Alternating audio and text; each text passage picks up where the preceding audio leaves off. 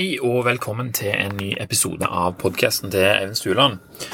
Det hender jeg får spørsmål om hva jeg spiser, og hva jeg drikker, og hvorfor jeg gjør det sånn, og hva jeg forventer å få ut av det. Og i starten, når jeg eh, først begynte å lage podkast, um, Steinaldermann-podkast, så handla mange av episodene om mat og, og dette her, da, hva, hva mat kan gjøre for folk. Både hva det har gjort for folk, hvorfor de har blitt dårlige, men òg hvordan de kan snu på det. og bli bedre igjen, eller hvordan du kan eh, spise på en annen måte for å få bedre resultater med trening og bla, bla, bla. Eh, det er ikke like ofte jeg snakker om det nå lenger, for jeg har liksom funnet et regime som jeg syns fungerer bra for meg. Um, og, og, det justeres når jeg oppdager noe nytt som gir mening, da, som f.eks. for eksempel i det siste har det vært å forholde seg i større grad til døgnrytme. Uh, og når det kommer en sånn ny ting, så skrus intensiteten opp på en måte. Uh, da er jeg veldig liksom, opptatt av det en periode. Og så etter hvert så går det liksom ned uh, et hakk igjen, at du liksom henter ut de mest logiske delene eh, som du var borti på den intense perioden, tar du de med deg i hverdagen, sånn at du har liksom noe som bare går av seg, av seg sjøl, da. Og så går jo òg intensiteten opp og ned alt etter om det er f.eks. sommerferie, sant? Eh, når det ikke er så mange ting å tenke på, så mange ting jeg skal, eller sånt, og du har liksom et litt mer avslappa forhold til det. Men så skrus det opp eh, skrus intensiteten opp da hvis det er full hverdag sant, med prosjekter som skal iverksettes og resultater som skal oppnås. Da, liksom, da, da opplever jeg at det er liksom mange av de tingene som jeg har i repertoaret mitt, som jeg da kan hente fram for å øke sjansen for at jeg får til det som jeg ønsker å få til. da. Um, og siden jeg nå har fått en del spørsmål om det i det siste, så tenkte jeg bare ok, jeg kan jo lage en episode og, og forklare litt om det. Og en av grunnene til at jeg ikke liker så godt å liksom anbefale folk noe, og sånt, er fordi at eh, jeg vil ikke at folk skal gjøre noe bare fordi at de har hørt at noen andre gjør det. Altså, det, det, er mye viktigere å forstå hvorfor du skal gjøre noe, og, og, og, hvis du forstår hvorfor du skal gjøre noe, så forstår du òg hvorfor du skal gjøre det for deg sjøl. I forhold til at 'Å, jeg har hørt at noen gjør dette. Da må det være bra. Jeg prøver det.' Men jeg aner ikke hva jeg ser etter, eller hva jeg skal Liksom, Jeg har bare hørt at det er bra. Da, da blir jeg litt sånn åh. Uh, jeg mener at det må komme fra den personen som vil gjøre endringen sjøl, liksom. ikke pga. at noen andre gjør det, hvis du skjønner hva jeg mener. da. Så Derfor så tenkte jeg at jeg skulle ta dette her fra start og røftlig forklare hvordan jeg begynte å tenke på dette, hvordan det starta for min del, og hvordan det har forandra seg underveis, og hvorfor det har forandra seg. Så da eh, tar jeg det helt tilbake rett og slett til for en 11-12 år siden, når jeg for første gang leste Born to Run, som er en bok som jeg ofte anbefaler til folk. Ehm, og det var vel egentlig ikke akkurat da det begynte, når jeg leste den boka. Det, det begynte egentlig første gang når jeg så et par med Vibram Five Fingers i en butikk i Panama. Og jeg ble liksom veldig fascinert av det, men jeg ble raskt dratt videre av kompisen min Odin, da, som rista på hodet uh, med mine, som sa liksom sånn Nei, nei, nei, det, der er for drøyt, Eivind. Vi, må videre. Med. Så liksom, ok, ja, så gikk vi videre, for, for vi skulle eh, egentlig bare kjøpe et par ting, for vi skulle dra til en øde øy og leve veldig spartansk en ukes tid. Så uh, det var liksom planen vår. Uh, og da bodde vi på bambushytter på ei sånn sandøy med kokospalmer da, en plass der i, i på østkysten av Panama. Det var helt sinnssykt nice. Vi pakka med oss litt proviant, eh, som jeg da tenkte var sunt den gangen. Havregryn og tunfisk. Det er jo ikke det verste vi kan spise, men det er heller ikke det beste. Og så var det også kokosnøtter tilgjengelig overalt.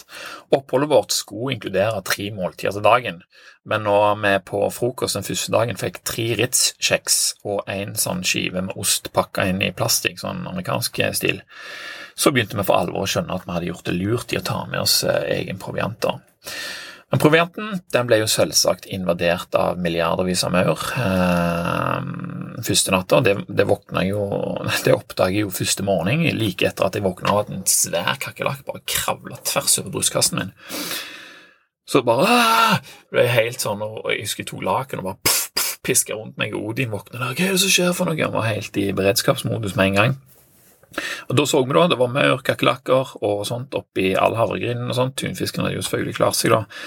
Um, Men i løpet av den uka så gikk vi da fra å være helt uten peiling på hva vi burde gjøre med mat, om vi ville ha oss for, for oss sjøl, så endte vi opp med delene med maur og kakerlakker, til å kunne sove trygt med trygt og godt med provianten vår sikra for ubudne gjester. Da liksom, yeah. Uh, og egentlig, det var jo ikke her på denne her øya jeg lærte mest om mat. Uh, for så vidt så begynte vi jo sånt, havregryn, tunfisk, ritskjeks, ost og kokosnøtter. Da begynner du liksom å lete etter ting så du kan begynne med å lete etter ting i sjøen som vi kunne lage oss, og liksom ja, det, det, det, Interessen for å å finne mat som var rundt oss, liksom, som vi ikke trengte å kjøpe, eller noe sånt, den ble født der. Men en annen viktig ting som skjedde, var at jeg hadde med meg ett blad på den turen der, i tillegg til noen bøker, og i det bladet så så jeg nok et bilde av et par five fingers. Hva er det med disse skoene? Og rett ved siden av det bildet så var det en liten artikkel om en bok som heter Born to Run. Og, og, den hadde jeg lyst til å finne mer ut av. Så når jeg kom hjem, så lasta jeg ned den eh, som lydbok. da. Jeg var ikke sånn voldsom på å lese ennå i den tida. Eh, og dette var jo før det fantes gode, lovlige alternativer for nedlasting, så dette, dette lasta ned ulovlig for Pirate Bay om forlatelse. Eh, men boka var lasta ned, jeg hørte den om igjen og om igjen. Og jeg fant ut at jeg plutselig kunne springe lenger enn jeg noensinne før hadde kunnet springe, og jeg følte meg bedre enn noensinne før. Og I denne perioden så begynte jeg faktisk å tenke at jeg trenger ikke så mye animalisk mat. Jeg kommer langt med chiafrø og maiskjernemel og et annet egg og ei mus i ny og ne. For det var det som sto i Born to Run, at disse Tarahumara-indianerne gjorde. Sant? Det var det de levde på. De klarte seg fager så bra. Hadde jo liksom den stålhelsa i forhold til den vestlige verden. da. Det har jeg jo senere funnet ut at det har jo alle sånne eh, som lever som de gjorde for en liten tid tilbake, har, gjør det jo bedre enn oss. Uh, vi, vi, klarer å leve lenge med. Det er jo pga. medisin vi bruker, og metoder vi bruker for å omgås konsekvensen av livsstilen vår. Det er ikke på grunn av, Vi lever ikke lenger pga. livsstilen vår, det er på tross av det. Sant? Men så har vi heldigvis medisiner som skal gjøre at vi kan regulere det da. Men uansett, uh, disse her meksikanske indianerne de kan jo løpe i dagevis i bare sandaler og skjørt mens de drives av chiafrø maiskjernemel og maisøl. Uh, og Jeg var helt oppslukt i dette her, og jeg var jo en av de første som begynte å selge chiafrø i Norge, f.eks. Uh, de leser jeg jo om i Born to Run, og gjennom nettbutikken min barefootjuice.no, som jeg starta, der, uh, der begynte jeg jo å selge Five Fingers. Det var òg en av de første i Norge som, som, gjorde, så jeg var tidlig ute med dette her greiene her. Uh, det var få andre som hadde hørt om chiafrø og Five Fingers, men noen var det. Jeg ble kontakta av en gjeng med svette muskelbunter i bar overkropp på et eh, noe utenom det vanlige treningssenter i, Sandnes, eh, og de inviterte meg til å komme der og prate om barfotløping, for de hadde en slags sånn årlig samling Eh, der folk i Norge Dette var crossfit-folk, da. Der crossfit-folk i Norge samles liksom ei helg i, i, Sandnes der, og så trente de og eh, gjorde forskjellige ting og lærte forskjellige ting. og sånt. Sinnssykt kjekt. For her kom jeg inn, og så snakka folk med selvfølgelighet om ting som jeg ikke kunne snakke med andre om uten å måtte forklare det helt, helt fra start, og liksom kjempe meg gjennom et tykt lag av skeptisk og, og, og skepsis og frykt for nye ideer. Her var liksom alle ferdig prima og var godt i gang med å implementere nye øvelser, nye metoder, bruke nytt utstyr. Eh, de gjorde mye annerledes, og òg det de spiste, var annerledes. Og det var her eh, han som heter Einar Svindland introduserte meg for ei bok som heter The Paleo Solution, som er skrevet av Rob Wolf. da. Og Den boka den er en slags, var iallfall da en slags matbibel eh, for crossfit-folk i den tida. Og forfatteren var jo en slags mat-Jesus eh, i crossfit-miljøet, som liksom sa det sånn som det var, og, og um, hadde studert dette her. og hadde skrevet denne boka, som ga veldig veldig mye mening. Eh, så jeg ble veldig interessert etter Einar fortalte meg. sånt. Jeg bestilte boka med en gang. Med en gang den kom, leste den og satte sporenstreks i gang med en såkalt 30 dagers challenge. Vi har vel alle tatt en sånn challenge, og dette her var liksom første gangen jeg hørte om at det, det var en ting å gjøre. liksom. Uh, og dette var en ganske stor omveltning, for på dette tidspunktet så hadde jeg liksom en brødbakemaskin jeg som bakte ferskt brød til oss hver morgen, så jeg spiste kanskje det, eller havregryn med melk, banan, rosiner og litt syltetøy til frokost. Sant? Skikkelig god uh, gang der. Uh, Skjever til lunsj, vanlig norsk middag. vanlig norsk middag, sant. Det er jo pasta og kjøttdeig og og sånne ting, da. Det er jo ikke akkurat lammekjøtt med kålrabi, men uansett, det er det som er vanlig å spise da i Norge. Og så var det liksom kjever eller havregryn til kvelds. og det jeg trodde jeg var normal. Jeg hadde normale ting å forholde, meg til. Noen av de tingene var jo kraftig ulvehunger sant? med en gang du våkner om morgenen, og, og, hver gang det har gått liksom tre timer etter du har spist. Skikkelige hangry-tendenser akkompagnert med kontinuerlig mageknip og flere andre distraksjoner i forbindelse med flatulens. Da. Jeg hadde skikkelig gassproduksjon, og det var det var liksom, Jeg måtte alltid tenke meg om hvis jeg skulle på kino eller på besøk, eller noen, så var det liksom Å, shit, da må jeg holde meg, liksom. Og så må jeg gå på do av og til og slippe opp trykket og sånt. Jeg trodde det var helt vanlig. Uh, men nå skulle jeg altså begynne på denne her 30-dagers-challengen. Eh, da. Jeg ante jo ikke at den måten å spise på ville fjerne det. Uh, så jeg gikk liksom ut i det med forventninger om egentlig ingenting, annet enn at jeg skulle Uh, at det skulle være lettere for kroppen min å, å leve, da? At, det ikke skulle være så stor påkjenning. For det er jo en påkjenning for kroppen å bearbeide alt det som er trykket i den. Sånn så hvis du kan da ta trykket inn i noe som ikke trenger så mye bearbeiding, så har du jo mer kapasitet til å hente ut fordelene med det du faktisk har spist, og bygge videre på det liksom som et moment. Så dette var jo litt hardt å begynne med. da, sant? Ingen pasta, ingen pizza, ikke melk, ikke brød. Og da kommer den der tanken som alle kommer med Jeg vet ikke hvor mange som har spurt meg om dette. Hva skal jeg da spise? Vel, det er ganske enkelt og greit. Det meste av alt det andre, viser det seg. Sammen. Men selv for meg så skulle det ta, fremdeles ta noen år før jeg følte det sånn. Det var liksom begrensa, og jeg følte det var, det var, jo vanskelig. Og dette er jo ti år siden, sant? så det, det, fantes jo ikke sånn Det var vanskelig å få tak i økologiske ting, og det var Eh, det var mange ting som ennå ikke fantes, liksom. Det har kommet seg sinnssykt mye på, på de ti årene her. Men uansett, de første dagene i denne her challengen var jo veldig harde. Da. Jeg merka egentlig ikke så mye til hva som skulle være så mye bedre med dette kostholdet. sant? Én en ting var i hvert fall sikkert, at det var upraktisk, og det var uvant. Og jeg måtte liksom bruke stor kapasitet på å holde meg vekke fra det som jeg eh, var vane med å spise. med, sant? Jeg var vant til å kunne spise hva jeg ville, og jeg trengte ikke tenke meg om når jeg var hos eller med andre folk. Sant? Det var bare å liksom, ja, spiser det jeg spiser, og har det bra, liksom. Og så av og til blir jeg trøtt av det, ikke har tenkt noe mer over det. Men når 30 dager var over, så var vi jo veldig stolte og fornøyde, både meg og kona mi, og vi tenkte jo dette må jo feires. Selvfølgelig. 30 dager med pine er over. Og hva feirer vi med? Vi feirer så klart med pizza. Og det var først da jeg skjønte at noe hadde endra seg i løpet av den måneden der. Litt og litt så hadde plagene jeg hadde, som jeg ikke visste jeg hadde, forsvunnet. Men de forsvant ikke helt fort nok til at jeg merka det, på en måte. Men når jeg spiste den pizzaen, da merker jeg det, for da kom jo alt sammen tilbake på en gang. Da var det veldig stor forskjell på før jeg spiste og etter jeg spiste.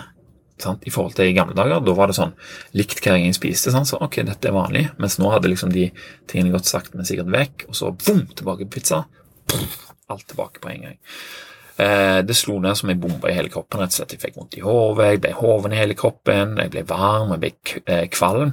Og dette her var liksom et tydelig sjølpåført ubehag. da, Og jeg hadde ikke tenkt over det på den måten at dette var sjølpåført før. sant? Jeg hadde bare tenkt å katta, nå ble jeg mett, liksom. Nei, nei, nei. Det er du som har gjort deg sjøl mett og den her følelsen. sant? Men hva gjorde det da med meg når jeg fikk vondt i hodet, ble hoven i kroppen og varm og klam og liksom dårlige.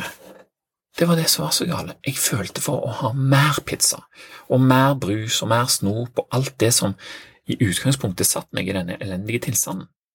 Hva jeg spiste, var veldig tett knytta opp mot hvordan jeg tenkte, hva jeg fikk lyst til å gjøre, og òg da hva jeg endte med å gjøre sant? i løpet av den dagen. Eh, så dette var første gangen jeg også tenkte at dette med juksedager det er det største bullshitet jeg noensinne eh, har vært med på.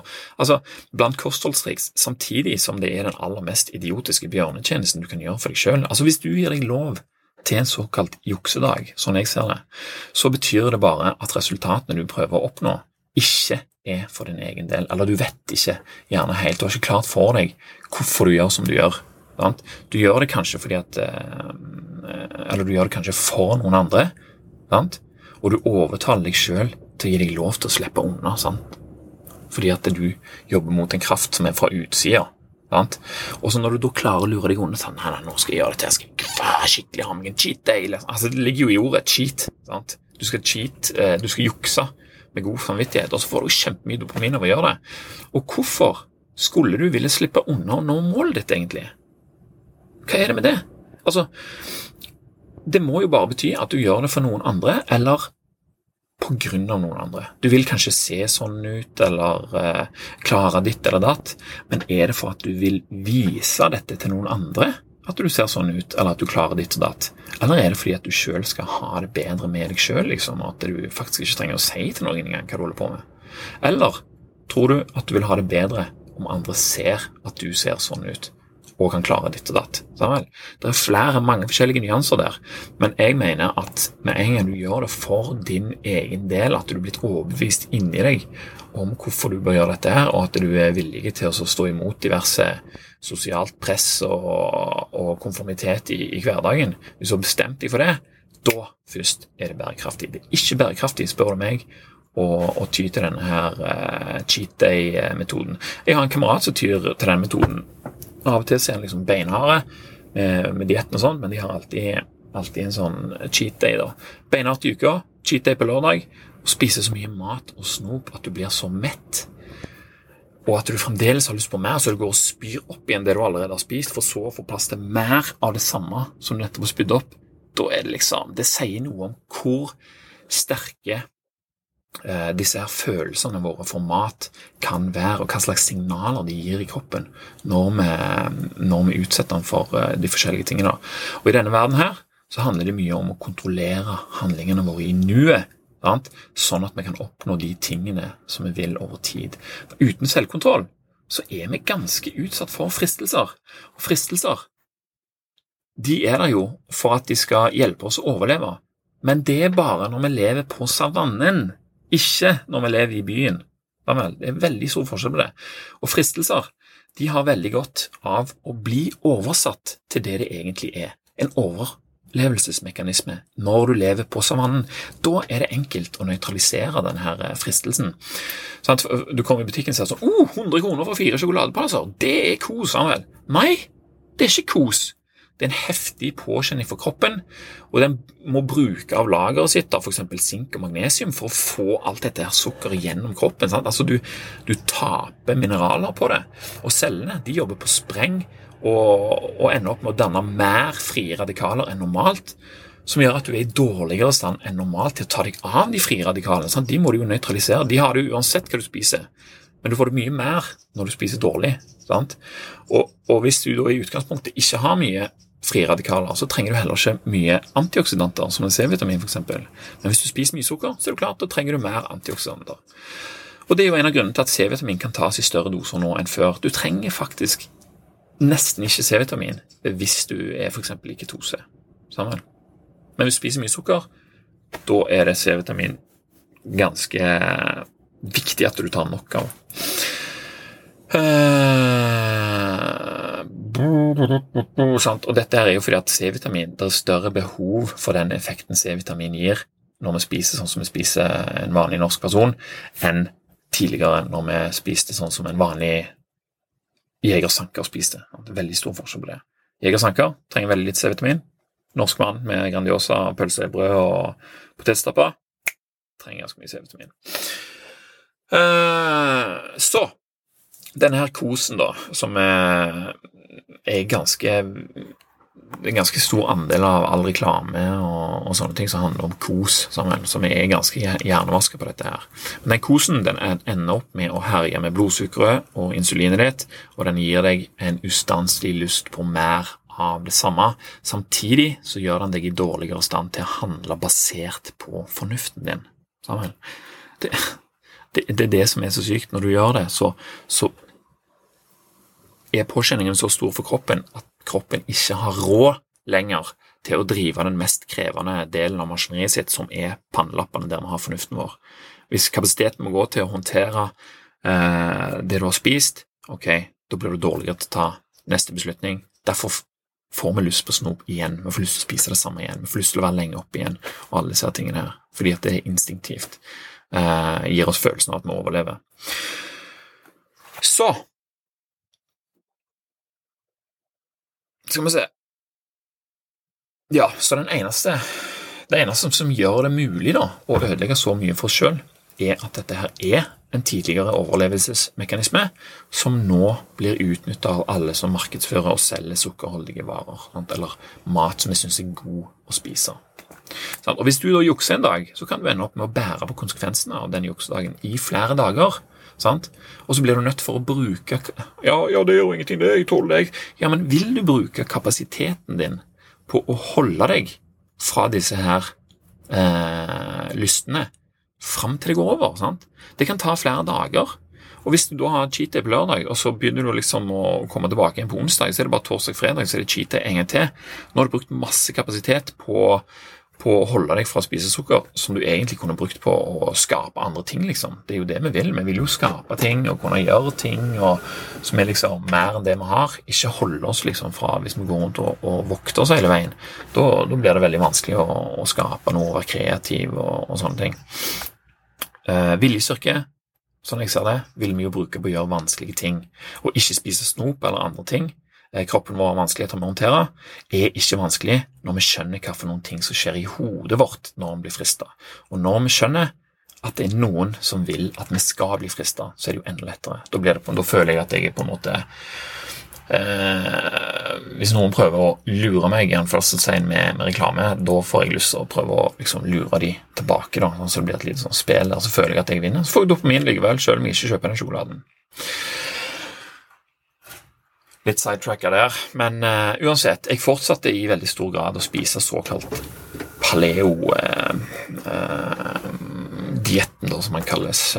ikke noe cheat days. Dette her var en livsstil. Kjøtt, fisk, egg og grønnsaker. Litt frukt. Nøtter, frø og bær, så dette er så fint. Det er liksom det som beskriver det. Og fremdeles Eh, men fremdeles så var jeg da på leit etter hvordan jeg kunne få spist noen av de tingene som jeg savna fra mitt gamle kosthold. sant? Brød, skjever med egg. sant? Eh, jeg lagde eggebrød sånn for livretten min. Det var skjever med smør, bløtkokt egg, sild og majones på lørdagsmorgen. liksom. Åh, det var liksom veldig, eh, Det likte jeg veldig godt. Jeg ville fortsatt ha det. Så da lagde jeg eggebrød. da, sant? Egg på egg. Sånn, det er sånn det ble. Det varte en stund. Før jeg fant ut at eh, jeg kan jo bare spise smør, egg, sild og majones uten noe brød. Sant? Og ting har ofte en tendens til å bli gjort enklere etter hvert som en intens periode har gitt seg. Uh, først så var jeg liksom ok, jeg skal endre den spisingen, og det føles veldig stressfullt fordi at jeg må lage et annet type brød. Og Det er kanskje derfor mange syns det er så stressende å endre vaner, fordi at de syns at det nå blir vanskeligere å få til det som de eh, få til å gjøre dette nye på en måte som gjør at de ikke føler de taper det gamle, hvis du fatter. Eh, vi tror at det er vanskeligere å lage en pizza vi kan spise, eller at vi må bake vårt eget brød istedenfor bare å kunne kjøpe et. sant vel? Og det er helt til vi innser at vi trenger jo ikke spise verken pizza eller brød. Og da blir det enkelt igjen. sant vel? Sånn, jeg skal lage spagetti og kjøttdeigsaus. Åh, hva skal vi liksom, hvordan, hvordan skal vi klare å lage spagetti, liksom? Bare spis kjøttdeig i sausen, vel. Det er skamgodt. Så ferdig med det. Da har du grønnsaker og sånn oppi der, og så kjøttdeig og tomatsaus og alt det. Ferdig. Da, da er det blitt enkelt igjen. Så jeg husker jo vi drev og lette etter sånne spesielle meltyper og, og, liksom Hva det heter dette? Quinoa og alt mulig sånne ting som vi har holdt på med for at vi skulle liksom fortsette med våre elskede norske nasjonalretter som pizza, pasta og taco. Men nå er det blitt så, sånn at jeg, jeg savner det ikke i det hele tatt. Det er mange år siden jeg eh, liksom tenkte på det i det hele tatt. Eh, og, og, samtidig, da, i løpet av denne her prosessen der jeg ble liksom mer kjent med det, sånn, så begynte jeg å bry meg også veldig mye om eh, hvor maten kom fra. Er det økologisk? Hvordan produserer vi kjøtt? Har de spist gress eller kraft for dette? her? Eh, hvor produserer vi fôret til dette? her? Hvordan er helsen til dyra? Tidligere favoritter som laks og kylling de ble liksom pst, pst, fasa ut. Gris har jeg egentlig aldri spist noe særlig, bortsett fra ei juleribbe i ny og ne og en eller annen kotelett. Men hva skulle jeg liksom bytte det ut med? Hva var det som var like bra som disse andre tingene var dårlige? Så jeg begynte å bruke mer tid og energi på mat, rett og slett. Hvor skulle jeg få tak i godsakene fra? Sant? Jeg visste jo at de var der, men det var ikke så jæklig lett å få tak i det. Men det viser seg at det er mer enn mulig å leve på veldig god, sunn mat som er produsert på en måte som ikke er skadelig for miljøet, og på en måte som eh, er veldig bra for, eh, for oss å spise i dag. Da. Vi må bare bruke litt tid på det. Og det hjelper selvsagt at en er interessert. da? Så jeg fant ut at jeg kunne begynne å kjøpe hjortekjøtt for onkelen min i Kvinnherad. Han jakter, og, og vi kan klare å spise sjøl.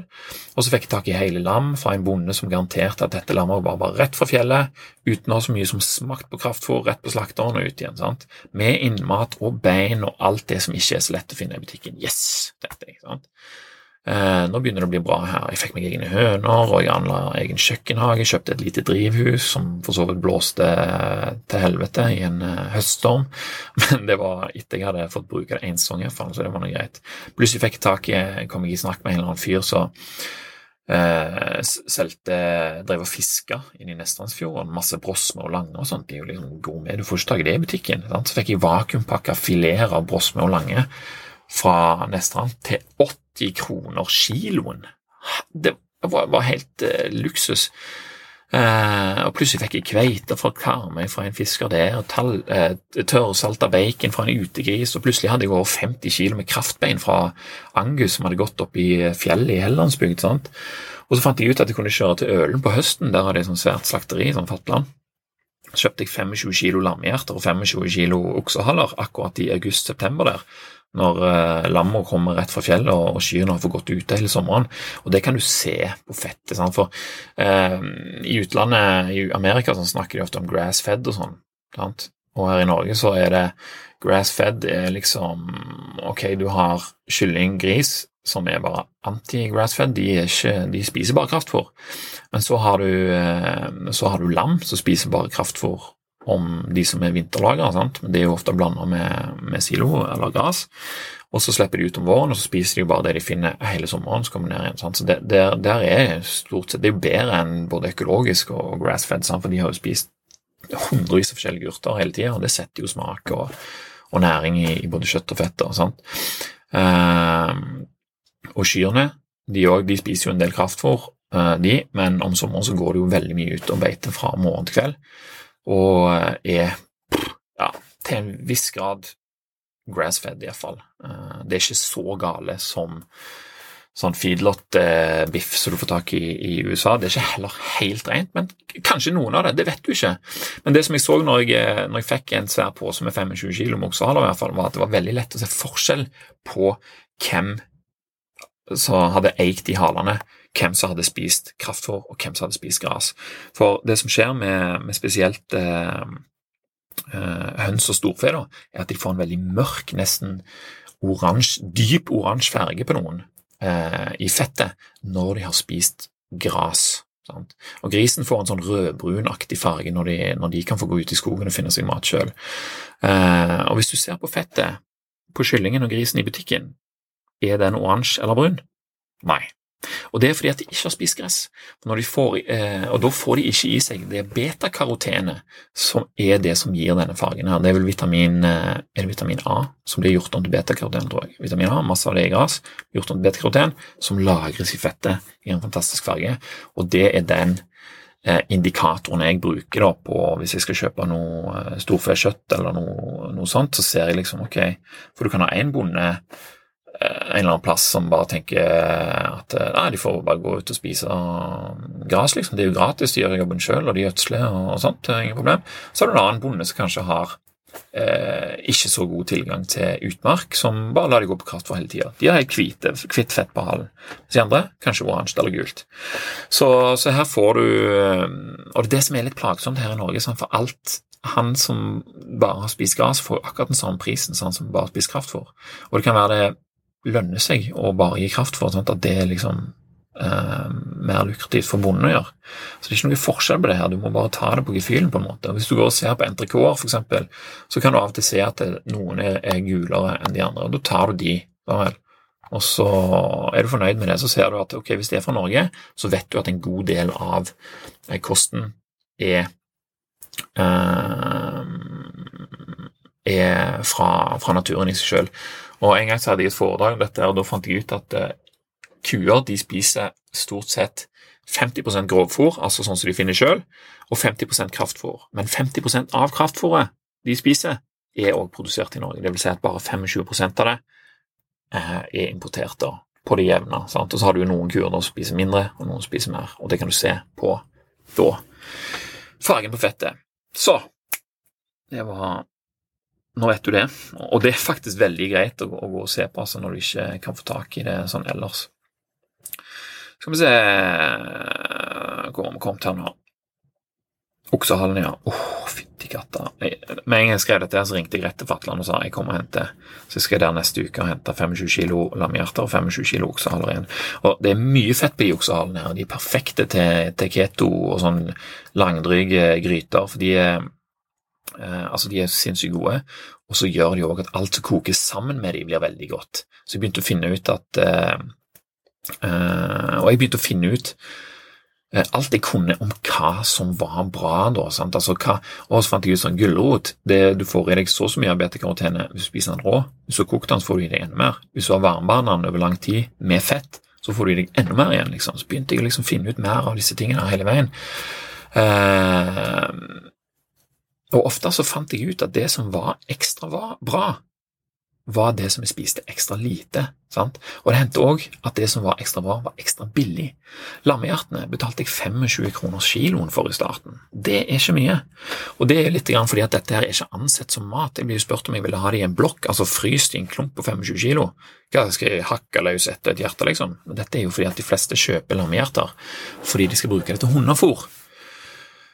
Så, og Det er jo også derfor de ikke har det i butikken. Folk vil ikke kjøpe det. De vil ha fileter. Det ser fint ut, det er lett å lage og alt det der, men næringen helt noe annet. Så frysen den begynte alltid å fylle oss opp på høsten med sånn lam og fisk og hjerter og eh, kraftbein og alt mye, alt, alt sånt som det der, og da tenker jeg på farfaren min som kjøpte en kvart okse, en halv gris og ett lam hver høst og drev og salta i tønner og fat i kjelleren på dette, sånn at de hadde mat gjennom vinteren. Og så tenker jeg på eh, morfaren min, sant, som var hjortejeger og sauebonde. Han slaktet sine egne lam, sendte resten på slakteriet, tok vare på leveren sjøl og, og innmaten og sånt, skjøt et par hjorter. Mm, gode greier. Bare det er ikke sånn som vi gjør, vi bare handler det vi trenger de neste par dagene med.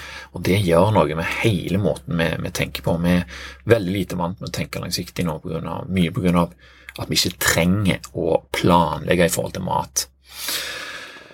Og En annen ting som jeg gjorde, var jo at jeg endte opp med å tilbringe timevis i butikkene for å lese på baksider og lære meg om hva som var bra og, og hva som ikke var bra.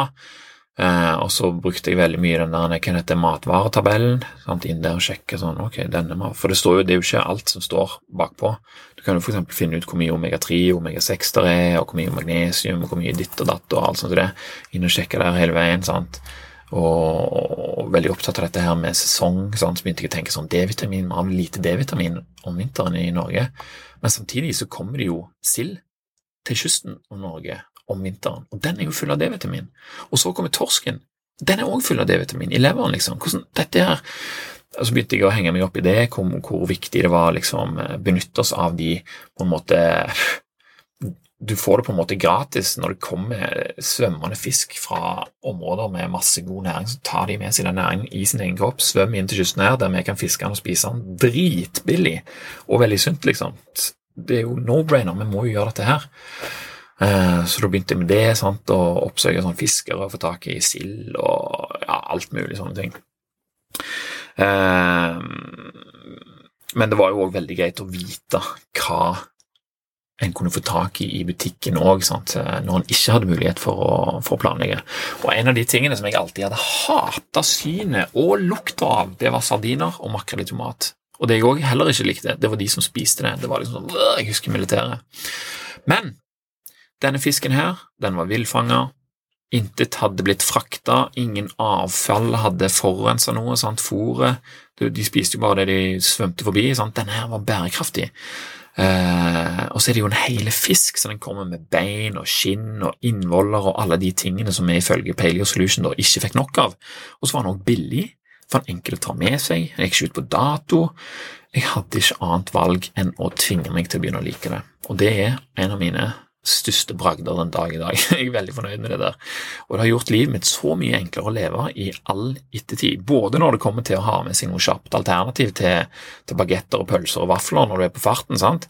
og òg når det kommer til å lære meg å spise flere nye ting som jeg tidligere ikke ville ha spist, men som jeg ønsker og vil spise av at jeg har lært meg om hva, hva den matvaren betyr for både miljøet og meg sjøl, og ja, sant, at det ikke er at det ikke er en gris som står inne fra han blir født til han eh, går på slakteren, og han aner ikke noen ting om hva en gris egentlig skal gjøre. Liksom, sant? Det er veldig stor forskjell på det.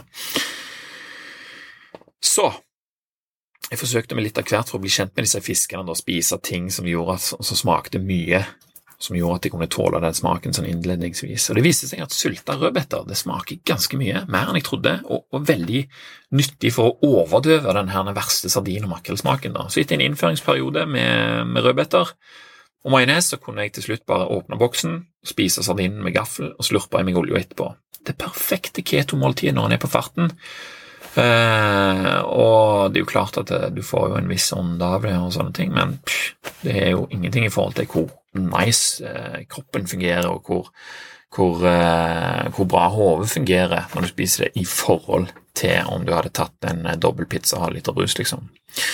Så nå er det sånn jeg får oppdateringer fra broren min hvis han kommer over at liksom, ah, nå er det tilbud på Meny på sardiner, liksom. Ok, kjører jeg innom og kjøper en hel haug, og så stokker jeg det opp i kjelleren. Så jeg har sikkert sånn 40, 40 bokser i kjelleren med sardiner, og så har jeg òg alltid to to-tre i, i, hver bil, eh, sammen med noen eh, hasselnøtter og litt sånn, sånn nøds, nødstilfeller, i tilfelle jeg kommer til en plass eh, der jeg er sulten, og, og det bare fins hamburger og, og, sånne ting. Eh, skal vi se Og siden Jeg hadde jo en veldig sånn fin kundegruppe da, i dette her landets stadig voksende crossfit-miljø.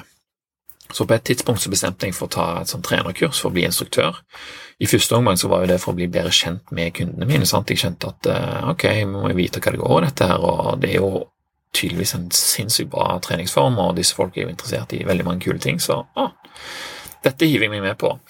Så jeg skulle egentlig bare gjøre det for å vite litt om det, men i neste omgang så ble jeg jo bedt om å starte og rigge til CrossFit Haugesund for de som ville starte det, da, helt sånn super uh, random. Så tenkte jeg ja, jeg kan vel gjøre det, og, og, da fikk jeg jo muligheten til å snakke om disse tingene her med andre som var interesserte. For de som, de som skulle bli medlem, sant, de måtte de måtte gå gjennom et sånt helgekurs med meg der dere snakket om alt dette her som jeg har sagt nå, med mat og, og restitusjon og søvn og, og, trening og hvorfor vi trener og hvorfor vi gjør bevegelsen på den måten og hva vi skal tenke og bla, bla, bla. bla. Alt sånt som det der. Så det var dødsnice fordi alle som var medlemmer der, og alle som var på treningene, de visste de samme tingene, og, og det var så mye lett å få en kontinuitet i i opplegget, liksom. Du kunne se folk fikk resultater som de ønskte, og de, skjønte hvorfor de fikk de, så, og de kunne liksom støtte hverandre, og alt dette. Det var helt supert, egentlig. Eh, så vi arrangerte jo til og med kokkekurs der for medlemmene. Vi lagde pølser, karbonader, ovnsbakt oksehjerte, brosmer, tørrsalta bacon, leverpostei, råmelkspudding og alt sånn. Så når de, når de, kom inn, liksom, så fikk de sitte seg ned. Det var på sånn skolekjøkken, dette her, på videregående skole. Så vi liksom sette seg ned i klasseromsdelen, så hadde vi alle, alle matvarene liggende ut på, på, på, disken der, da, så gikk jeg gjennom alt sammen. Denne hjorten kommer fra ditt og datt, og leveren her er fra sånn og sånn, og lammehjerter, og alt var liksom, hadde en historie. sant, eh, kom fra Nedstrand, og, og sånne ting. Så det var, det var helt eh, sinnssykt nice, altså. Og mens de satt og hørte på dette, her, da, så, eh, så nøt de en sånn velkomstsnack, og det var jo stekte lamballer i hvitløk og timian. da. Eh, det visste de ikke da, men det fikk de vite etterpå. Og alle likte det veldig godt og lurte på hvor du kunne få tak i det, og sånne ting. For du har jo ikke akkurat lamballer i butikken, da. Men hvis du går på Fatland, så kan du kjøpe det for det som jeg betalte den gangen, 20 kroner kiloen. Og det er faktisk jævlig godt. Så en mer paleoaktig aften skal du se lenge etter, bortsett fra alkoholen da, som fløyt overalt. Eh, det var jo en viktig del av suksessen i dette. Alle hadde det kjempebra. Eh, så i denne perioden her så var jeg nok mye i ketose, men jeg visste ikke nok om det til å skjønne hva som sendte meg ut igjen. på en måte. Sånn. Jeg tenkte bare sånn Ok, bare ikke spis karbohydrater, så er du i ketose, liksom. Eh, samtidig så var det ofte sånn besøk i helgene med vin og mat og sånne ting. Uh, og når vi har kommet her så langt som dette, så hadde jeg jo lagt av mange av disse lengslene etter ting som brød og pizza. Sånn. tenkte, tenkte ikke så mye på det. Uh, og det var mye pga. en tilnærming som uh, kalles for 80-20-prinsippet. Det kan du jo bruke til hva som helst. Men med tanke på mat, da, så var det han der Mark Sisson som sa det at ja, hvis du bare kjører 80 uh, paleo og 20 hva du vil, så eh, vil du liksom oppnå ganske mange av fordelene uten at du trenger å være helt låst, liksom. Og det, det ga en ganske sånn interessant effekt, for det var avslappende å vite at det ikke var låst. Sant? Lengselen var ikke så stor i og med at jeg kunne nyte hva jeg ville når jeg ville. Sant? 20 er jo ganske mye, egentlig, det. Eh, så siden jeg hadde den følelsen, så ble det jo til at jeg i realiteten bevant meg mer på 95-98% paleo og 5-2% annet, liksom. Og Da snakker vi jo sånn litt ost eller fløte og en eller annen fabrikkskylling, hvis det var liksom praktisk.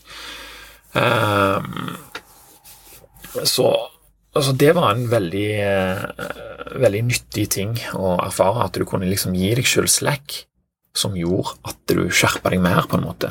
sant? Dette er jo psykologi, hvordan dette her fungerer. Men veldig effektivt. Eh, og det var i denne tiden her jeg lagde denne Steinaldermann-podkasten, der jeg snakket med litt sånn forskjellige crossfit-folk og andre folk som var opptatt av mat, og som var liksom innenfor dette her. Eh, og det var òg da Dave Asprey havna på radioen, Bulletproof eh, Coffee. Sant? Fett som det kalles. Jeg hadde jo allerede nettbutikken og tenkte at jeg kunne bruke nettbutikken der til handlekaffen står og selger her i Norge. Sant? Jeg syns jo dette var helt eh, supert. og hadde jo drevet og testa med periodisk fasting, eh, periodisk fasting og sånn.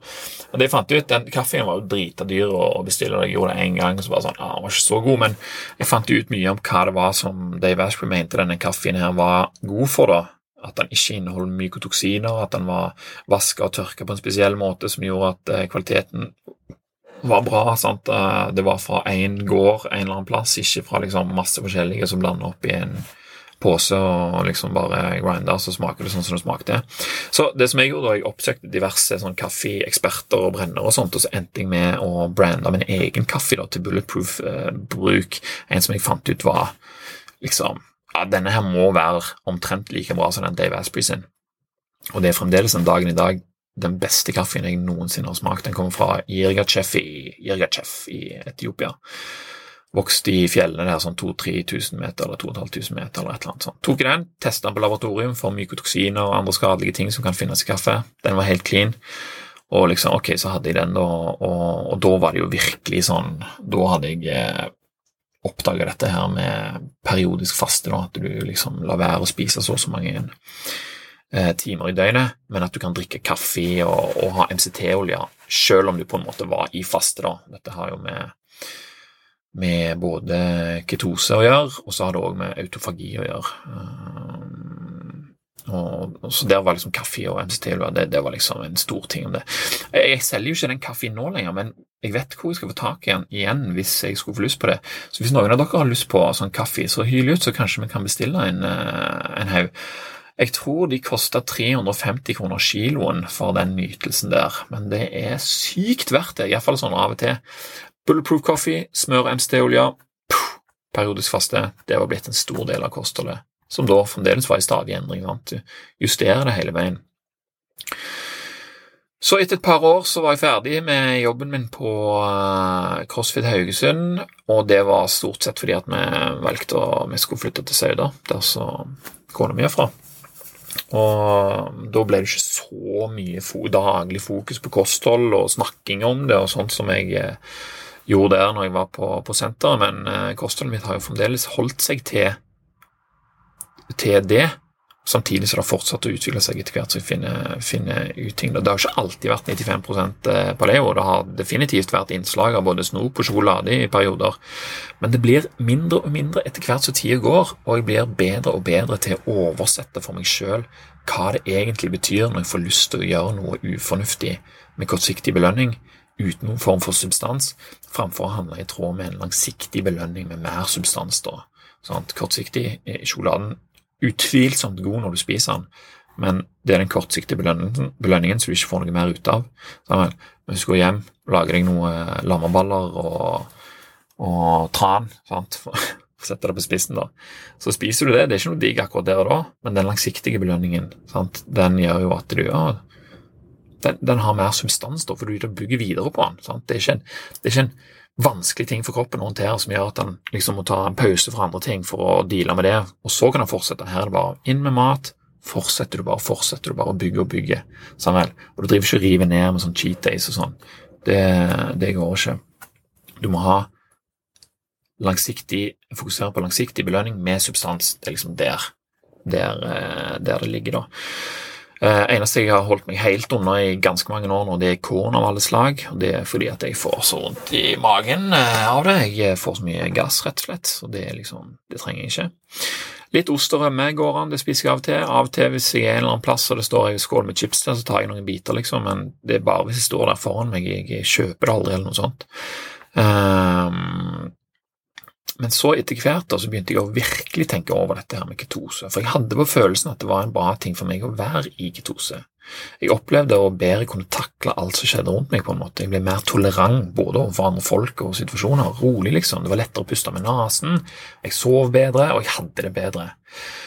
Jeg er på ingen måte perfekt, men jeg opplever det som om jeg får bedre kontroll på meg sjøl når jeg er i den tilstanden der. Sant? Jeg klarer å oppføre meg i tråd med hvordan jeg vil, og jeg finner det enklere å ta bedre valg. Og Sånn ønsker jeg å ha det, men jeg skulle gå i flere ketosefeller før jeg landa skikkelig på, på, hva dette her gikk i. Eh, for du måtte jo gjennom denne her ketoflu-perioden hver gang jeg ville være i ketose. sant? Ketoflu, eh, hvis du ikke har hørt om det eh, ja, Jeg kommer vel til det rett her etterpå. Men når du først var kommet i ketose sånt, og har gått igjennom to-tre dager med sånn ketoflu, så kunne jeg jo bli slått ut igjen av ketose av den minste uforutsette utskeielse. Hvis jeg bare plutselig havner en plass og bare 'Å, nei, her er det det til middag', liksom. Så, å, så var jeg ute av ketose. Eh, så da må jeg jo gå igjennom den keto-perioden igjen, liksom. Bli litt sånn sliten og influensaaktig i noen dager. Veldig mildt, da, selvfølgelig. Eh, men det skulle liksom være verdt det å gå gjennom det, eh, denne ketofluen for å komme på den andre siden og liksom tenke klarere og liksom være lettere og alt dette her. Men etter hvert så ble det til at vet du hva, kan jeg ikke bare være i ketose hele tiden, da? Da trenger jeg ikke gå gjennom ketoflue, og jeg trenger ikke å bestemme meg for om jeg skal tillate meg sånn mat nå og en annen mat senere. Sant? Altså, skal jeg spise dette nå, gå ut av ketose, så gå inn i ketose senere? Liksom, sånn. Tenkte bare, jeg er bare i ketose hele tida. Og så, og så, er det best, egentlig. Og hvis jeg kommer på en eller annen plass der det er. For, for mye karbohydrater, så er det et triks som det går an å ta, og det er å ta MCT-olje.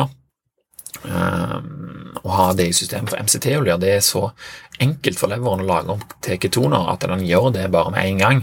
Så hvis du spiser mye karbohydrater en dag, mer enn de 50 grammene som er anbefalt for å holde seg i, i ketose, så vil du brenne karbohydratene som du har spist, parallelt med ketonene som du da har fått gjennom MCT-en. Du slutter å lage ketoner sjøl av fettet fra kroppen din, men du brenner det gjennom MCT-en, og da slipper du òg å liksom eh, gå helt vekk fra ketoner når du har spist de karbohydratene, sånn at du ikke trenger å gå gjennom denne ketoflu-perioden ketoflu for, for, å komme tilbake i det. Da, du, du, brenner ketoner hele tida, og da egentlig det er en ganske god ting. Så det Vestby sier at du bør gjøre det egentlig sånn en gang i uka, så ok, av og til gjør jeg det òg, da. Men det var iallfall veldig mye enklere å bare være i ketose hele tida. Um, for da hadde jeg liksom Da hadde jeg bestemt meg for det. Uh, da var det valget tatt for godt, liksom. sant? Det er den ene beslutningen som gjør at jeg slipper å ta tusen andre beslutninger om hva skal jeg spise en dag, hva skal jeg gjøre i morgen, hvordan skal jeg gjøre det til helga og sånn som det der. Jeg trengte ikke bruke kapasitet på det. Og det var mange som hylte selvsagt om kolesterol og energi til hjernen og alt dette her, det var farlig, og du kunne ditt og kunne datt, men jeg kan bare si at jeg lever ennå, jeg, og jeg har det bedre enn noensinne, og jeg har det bedre helse enn gjennomsnittet, for det viser seg at i eh, gjennomsnittet er det 58% som enten er overvektige eller uh, sykelig overvektige, så jeg syns dette funker veldig bra for meg. Jeg er faktisk i alle tiders form. Jeg anbefaler ikke til noen andre. Uh, det får dere finne ut av sjøl, men jeg har iallfall sagt hvordan jeg gjør det, og hvorfor. Um, så da har du iallfall noe som kan pirre nysgjerrigheten din, kanskje, og, og, føre til at du har lyst til å finne ut disse her tingene som jeg har funnet ut. Sant? For det er det det handler om. Vi må finne ut de tingene sjøl. For det er først da vi kan skjønne hvorfor vi vil gjøre det. Så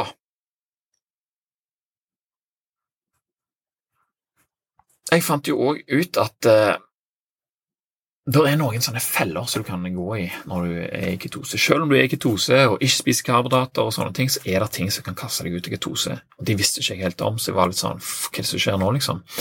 Uh, og den ene tingen er at uh, du går ut av ketose når du spiser for mye på en gang. Sant? Og det er jo veldig kjedelig. Jeg liker veldig godt å spise mye når det er god mat, sant? Eh, men det kan jeg ikke gjøre lenger. Så det måtte jeg slutte med, og da ble det mye bedre. Sant? Det som jeg merka, var at jeg spiste ganske mye, og så uh, ble jeg sånn hoven og oppblåst, akkurat som du har spist carbs. liksom, Får sånn mild, eh, mild vondt i hodet som varer liksom i noen timer, og så er du fin igjen dagen etterpå. Da er du liksom tilbake i, i ketose, da. Eh, hvis du ikke har fortsatt å spise karbohydrater eller spise mye en gang til til frokost, liksom. Uh, og så lærte jeg også at hvis vi spiser for mye protein, så vil noe av det lages om til glukose, og da kommer du også ut av ketosen. Uh, så det er en ganske krevende og slitsom prosess for kroppen å lage glukose av proteiner. Det er veldig sånn tungtrådt, det der. Og du blir òg varm og hoven i kroppen. Sant? Og ringen Jeg har en sånn øvre uh, som måler søvn og sånn. Og det jeg merker på, at når den ikke sitter løst på fingeren lenger, da er det et tegn på at at eh, jeg har spist noe som er en påkjenning for kroppen. For da er det betennelse, sant? og ting hovner opp, og, og, kroppen må styre med dette. her, Så det er ikke et godt tegn. Eh, ja, det er ikke et godt tegn. Når det skjer, og utfordringen vår er at vi kan jo havne i den situasjonen fra morgen til kveld og til langt på natt, sånn som vi lever nå. Uh, mens når vi var på savannen og kom over dette en sjelden gang iblant, så var denne påkjenningen her faktisk verdt det. Sant? For den sørger for at du kunne lagre noe av de proteinene som du ikke kunne spise. Ikke kunne benytte deg av med en gang, de kunne du lagre til senere som energi, og det var viktig. Nå er det ikke viktig. Nå må vi bare spise passelig. Det er liksom den siste utfordringen vi har. da. Så eh, Cost-benefit er en helt annen i dag enn hva det var den gangen på, på savannen. Så en ketogen diett den eh, inneholder altså Eller du skal liksom være noe sånn røftlig som at 5% av kaloriene skal komme fra karbohydrater, 15% skal komme fra protein, og 80% skal komme fra fett, cirka. Men det som har en tendens til å skje, da, er at det, er kun i de 5% i karbohydratene. Det er kun der det finnes fiber. Og hvis du ikke tenker godt på det, sånn som jeg ikke gjorde før det hadde gått veldig mange år, så blir det ikke så mye fiber i kosten. Og lite fiber gir lite mat til bakteriene i magen. Det kan føre til forstoppelse og sånt, og at du ikke får gått på do. Sant? og eh, Det fungerer ikke optimalt. Så når jeg begynte å fokusere mer på fiber, og på å spise passelige mengder mat om gangen uten for mye protein, så nådde dette helt nye dimensjoner. Da å være ketose hele tiden det er noe som er gledelig ofre både gledelig ofre både søtsaker, alkohol og pizza og pasta og hva det skal være. Altså, det er helt herlig. Og nå når jeg har lest denne Circadian Code um, så er jo periodisk fasting bytta ut med det som kalles for time restricted eating. Da har det nådd enda et nivå igjen. Og Når det kommer til periodisk fasting, så kan du f.eks. ha din kaffe med MCT hvis du vil det, sant? men i time restricted eating eh, så er det altså kun vann mellom siste måltid, sånn som i går hadde jeg siste måltid sånn halv fem, og første måltid. Eh, som er da på frokosten, sånn som i dag, så hadde jeg eh, tok min kaffe klokka sju. Så hadde jeg bare vann imellom det. Så da blir jo det 14,5 timer. Sånn uh, og time restricted eating det, det, er liksom hvis du holder deg fra å spise noen ting som helst inneholder kalorier som kan sette i gang leverfunksjonen i 12-16 timer. Og han Sachin Panna som har skrevet det, Sachin Panna, det er han som har uh, skrevet den der Circodian Code og, og forska mye på dette. her, Det er han som oppdager dette her med blått lys og sånne ting. Eh, og det som han sier, er at du får mange fordeler av å holde deg til 12 timer, og så får du dobler du de fordelene hvis du lar det gå 14 timer, og så dobles det igjen hvis du lar det gå 16 timer. Så det er de siste timene her på denne lange pausen, det er der du henter inn mest liksom, og, dette har med at kroppen får tid til å restituere, tarmlinjen får tid til å eh, fikse seg sjøl, eh, tette hull og, og, sånne ting som gjør at eh, fordøyelsen funker bedre. Ja, det det går i. Og, og, da er du i ketose. Sant? Eh, hvis du ikke har spist på 16 timer, så er du ganske garantert i ketose der på slutten uansett. Iallfall begynt å komme inn i. Så skal du liksom bare spise det og så gå ut av ketose igjen så gjør det samme neste dag. Nei, jeg tenker bare hold deg i ketose, og så kjører du bare dette her igjen og igjen og igjen. Og igjen, og det er veldig mye lettere å forholde seg til enn å gå inn og ut. Så det har gjort underverk for søvn, energi og våkenhet generelt, dette her med å, å bytte over til å tenke mer på hvordan dette her har med døgnrytmen å gjøre. Ikke bare, ikke bare Vi har så lett for å, å uh, organisere livet vårt etter hva vi skal. Sant? Etter hva vi har lyst til å gjøre, hva vi skal gjøre, ikke etter hvordan vi fungerer, og hvordan vi fungerer best. Det, det, er liksom ikke noe som vi er vant med å tenke mye på. Og det er jo fordi at eh, i naturen, når vi har blitt det, så har vi ikke trengt å tenke på det, fordi det er jo det evolusjon og instinkt har tatt seg av. Mens nå kan vi ikke fortsette å tenke sånn hvis vi skal få til mye av det vi har lyst til. Du kan jo selvfølgelig alltid få til hva du vil, men eh, spørsmålet er hvor mye det skal kreve, hvor mye du har lyst at det skal ta av energi. da. Så jeg skal snakke mer om denne Circadian Code i, i, en annen episode, altså, for det var så kult, alt det som sto i der. Eh, jeg er nok langt ifra ferdig med det ennå. Så nå har jeg snakket mye om det her, hva som skjedde, hvordan dette her utvikla seg og sånne ting. Så jeg har jo blitt spurt òg om eh, om jeg kan si noe mer sånn praktisk, liksom. Så hvordan ser en helt vanlig dag ut for meg, da, med disse her tankene i bunnen? Uh, og det kan jeg gå igjennom. Jeg har noen dager i måneden der jeg er på jobb. Sant? og Der er ting mer fastlåst enn hjemme. Der er liksom rutiner. Vi spiser frokost klokka ni, f.eks. Middag klokka fire. Sånn uh, og jeg prøver å holde den samme rytmen uansett hvor jeg er. Så da holder jeg òg den samme rytmen når jeg er hjemme. Da. Jeg våkner som regel i sekstida. Rundt klokka sju tar jeg meg en kopp kaffe med MCT og smør, kanskje. I ni-ti-tiden spiser jeg frokost. En god frokost. da. Den inneholder som regel noe sånn bladsalat som ruccola eller noe sånt. Noen grønnsaker som agurk eller paprika, og kanskje noe sånn raspa rødbeter eller noe raspa gulrøtter med olivenolje på, bare for å få noe rått og noe med fiber eh, i. Og så kan det være greit å få inn det eh, på, på, morgenen, for da påvirker det blodsukkeret mindre enn hvis du spiser det senere på kvelden.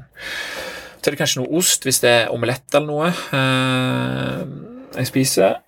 Eller hvis vi har kjøpt en god ost, en sånn feit ost, så spiser jeg gjerne det òg. Eh, så jeg har en eller annen form for egg stekt med smør eh, hver dag, hvis det ikke er noe med fisk. Og når det, når det er noe med fisk, sånn, det er jo ikke det første du tenker på at du skal stå og steike deg en fisk til frokost, men det er jo da som regel sardiner eller makrell i tomat. Sånn. Det er det enkleste. Eh, også i tre, fire, fem tider spiser jeg middag, da. Eh, og da er det ofte lammekjøtt av noe slag, eller noe fisk, så eller makrell eller et eller annet sånt. Så jeg spiser noe kjøtt nesten hver eneste dag, men ikke mye av det. Bare litt er nok. Sant? Bare 15% av kosten, eh, protein, eh, av kosten skal være proteiner. Så det er jo ikke plass til å spise veldig mye kjøtt. Så jeg spiser mye, uh, mye kjøtt for så vidt, for jeg spiser det hver dag, men det er lite hver dag, så totalen blir egentlig ikke så veldig mye. Og det kjøttet som jeg spiser, er jo som regel sau, sant? så det har jo massevis av fett på seg òg, da. Eh, og til det kjøttet så har jeg ofte ovnsbakte eller eh, lettstekte grønnsaker. For tiden så er ovnsbakt rosenkål med smør, salt og timian det er liksom, det er en slager. Og der kom også fiberen inn i bildet. Sånn. Det var derfor jeg begynte å kjøpe det. Sånn, ok, det er så mye fiber. Ah, rosenkål de har ganske passelig. Da tar jeg det. Og Da bruker de frosne. Kjøper de frosne, koster 12 kroner eller noe sånt for en halv kilo. Jeg spiser ikke rosenkål fordi at dette her er noe sånn gourmet. Sånn så Når du skal ha kalkun, liksom, så kjøper du fersk rosenkål, så skreller du de og damper de helt perfekt. Sånn. Det, det, er ikke gourmet dette her skal være. Jeg spiser det for innholdet, og for hvor praktisk og enkelt det er å lage det. Sånn. Det er fiber og andre goodieser i rosenkål. Det er veldig billig, og den trenger ikke skrelles eller dampes. Det er liksom bare pst, hive den oppi der, inn i ovnen med fett, salt og ønskelig krydder, og så er den ferdig. Eh, så den er veldig grei. Den pleier jeg å, å ha iallfall et par-tre par, ganger i uka. Eh, så det er middag, noe kjøtt og noen grønnsaker. Og mellom frokost og middag der så kan det hende at jeg tar meg en boks med sardiner eller makrell i tomat. Eh, jeg spiser som regel bare én boks med sardiner eller makrell i tomat per dag. Da. Det er ikke sånn at jeg går og spiser det hele tiden. Men jeg har òg andre typer snacks som jeg går for. Da er det hasselnøtter, mandler og valnøtter. Som jeg har. Da kjøper jeg bare de der Eldorado-posene på, på Kiwi. De koster ikke så veldig mye, og de har høyt innhold av fett og de har høyt innhold av fiber. og ja, Jeg syns det funker veldig greit. That's it. Is og snop stort sett ferdig med. Pizza, pasta og de andre nasjonalrettene våre òg, de spiser jeg heller ikke. Jeg spiser det jeg vil, og liker hvordan det gjør meg. Sant? Altså, Folk spør meg å, hvordan er det liksom, det må jo være fælt å holde deg for å spise liksom det du vil. Ja, men jeg vil jo bare spise dette. Det er det jeg vil. Det er ikke noe vanskelig. Det er veldig lett, faktisk. Det som er veldig vanskelig, det er å øh, overtale meg sjøl til at jeg skal spise en is, liksom, bare fordi at øh, de sosiale øh, forholdene der og da tilsier at dette er en ting jeg burde gjort. Men så begynner jeg å oversette igjen. sånn, Hvorfor føler jeg det nå? Aha, det er jo fordi at jeg er redd for å bli kastet ut av flokken og, og må leve alene på savannen, liksom. Er det helt sant? Jeg vet ikke. Men når jeg lager det til en grunn for meg sjøl, så blir det sant for meg. Og det som er viktig, er ikke om det er sant for meg, men det er viktig om det gir meg et resultat som jeg ønsker. Hvis jeg da kan bruke den logikken til å tenke nei, jeg spiser ikke isen, jeg tar meg heller bare ingenting, og så slipper jeg å, å måtte gå gjennom konsekvensen av den isen. Det er det som teller, ikke om det faktisk er sant. Det er ikke så viktig. Det handler om hva historier du klarer å fortelle deg sjøl, som ender med å gjøre at du tar gode valg. Eller for min del er det iallfall sånn. Uh, så jeg har etter hvert ganske mange metoder for å holde meg innenfor disse her preferansene, både når jeg er ute eller hos andre folk, og de fleste vet det. Og, og det som er, er at det, det er ganske mange som syns det kan være vanskelig å gjøre noe som er annerledes.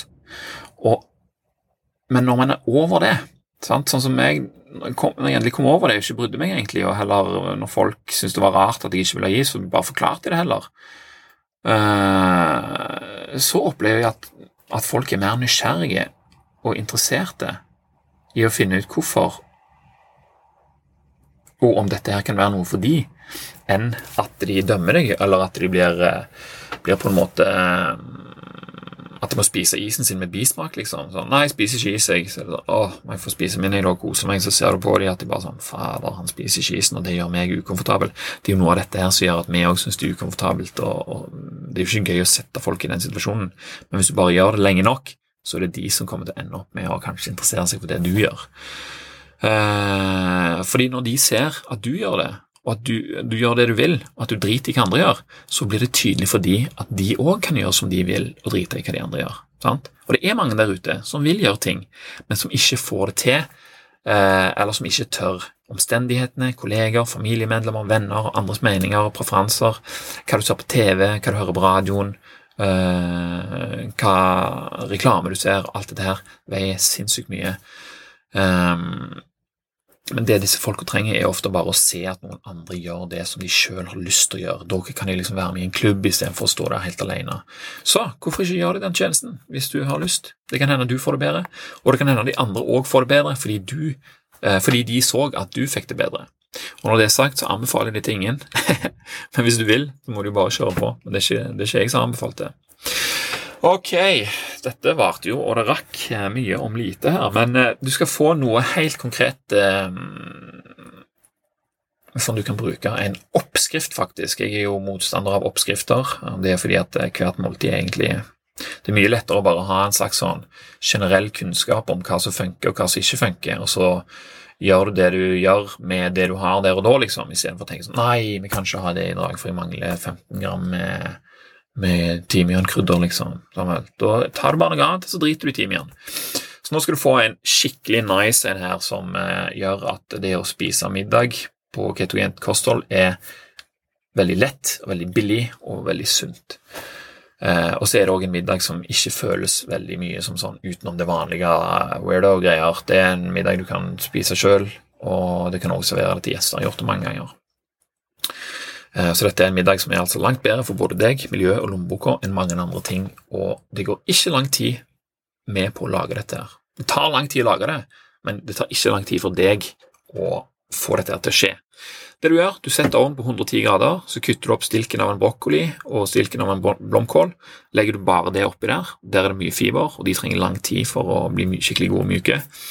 Eh, legg det oppi en ildfast form eller i gryta med lokk. Jeg bruker sånn jerngryte med lokk. sånn eh, Fikk til jul sånn Hva det heter det? Franske, sånn fransk merke. Den funker veldig bra, den.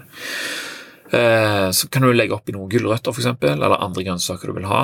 Eh, oppi her legger, legger, jeg stort sett grønnsaker som tåler å være varme lenge, sånn som rosenkål legger jeg ikke oppi der, for da blir de helt blaute og, og, sånt, og, og ellers ikke selve brokkolien eller blomkålen, for de blir, de blir overkokt.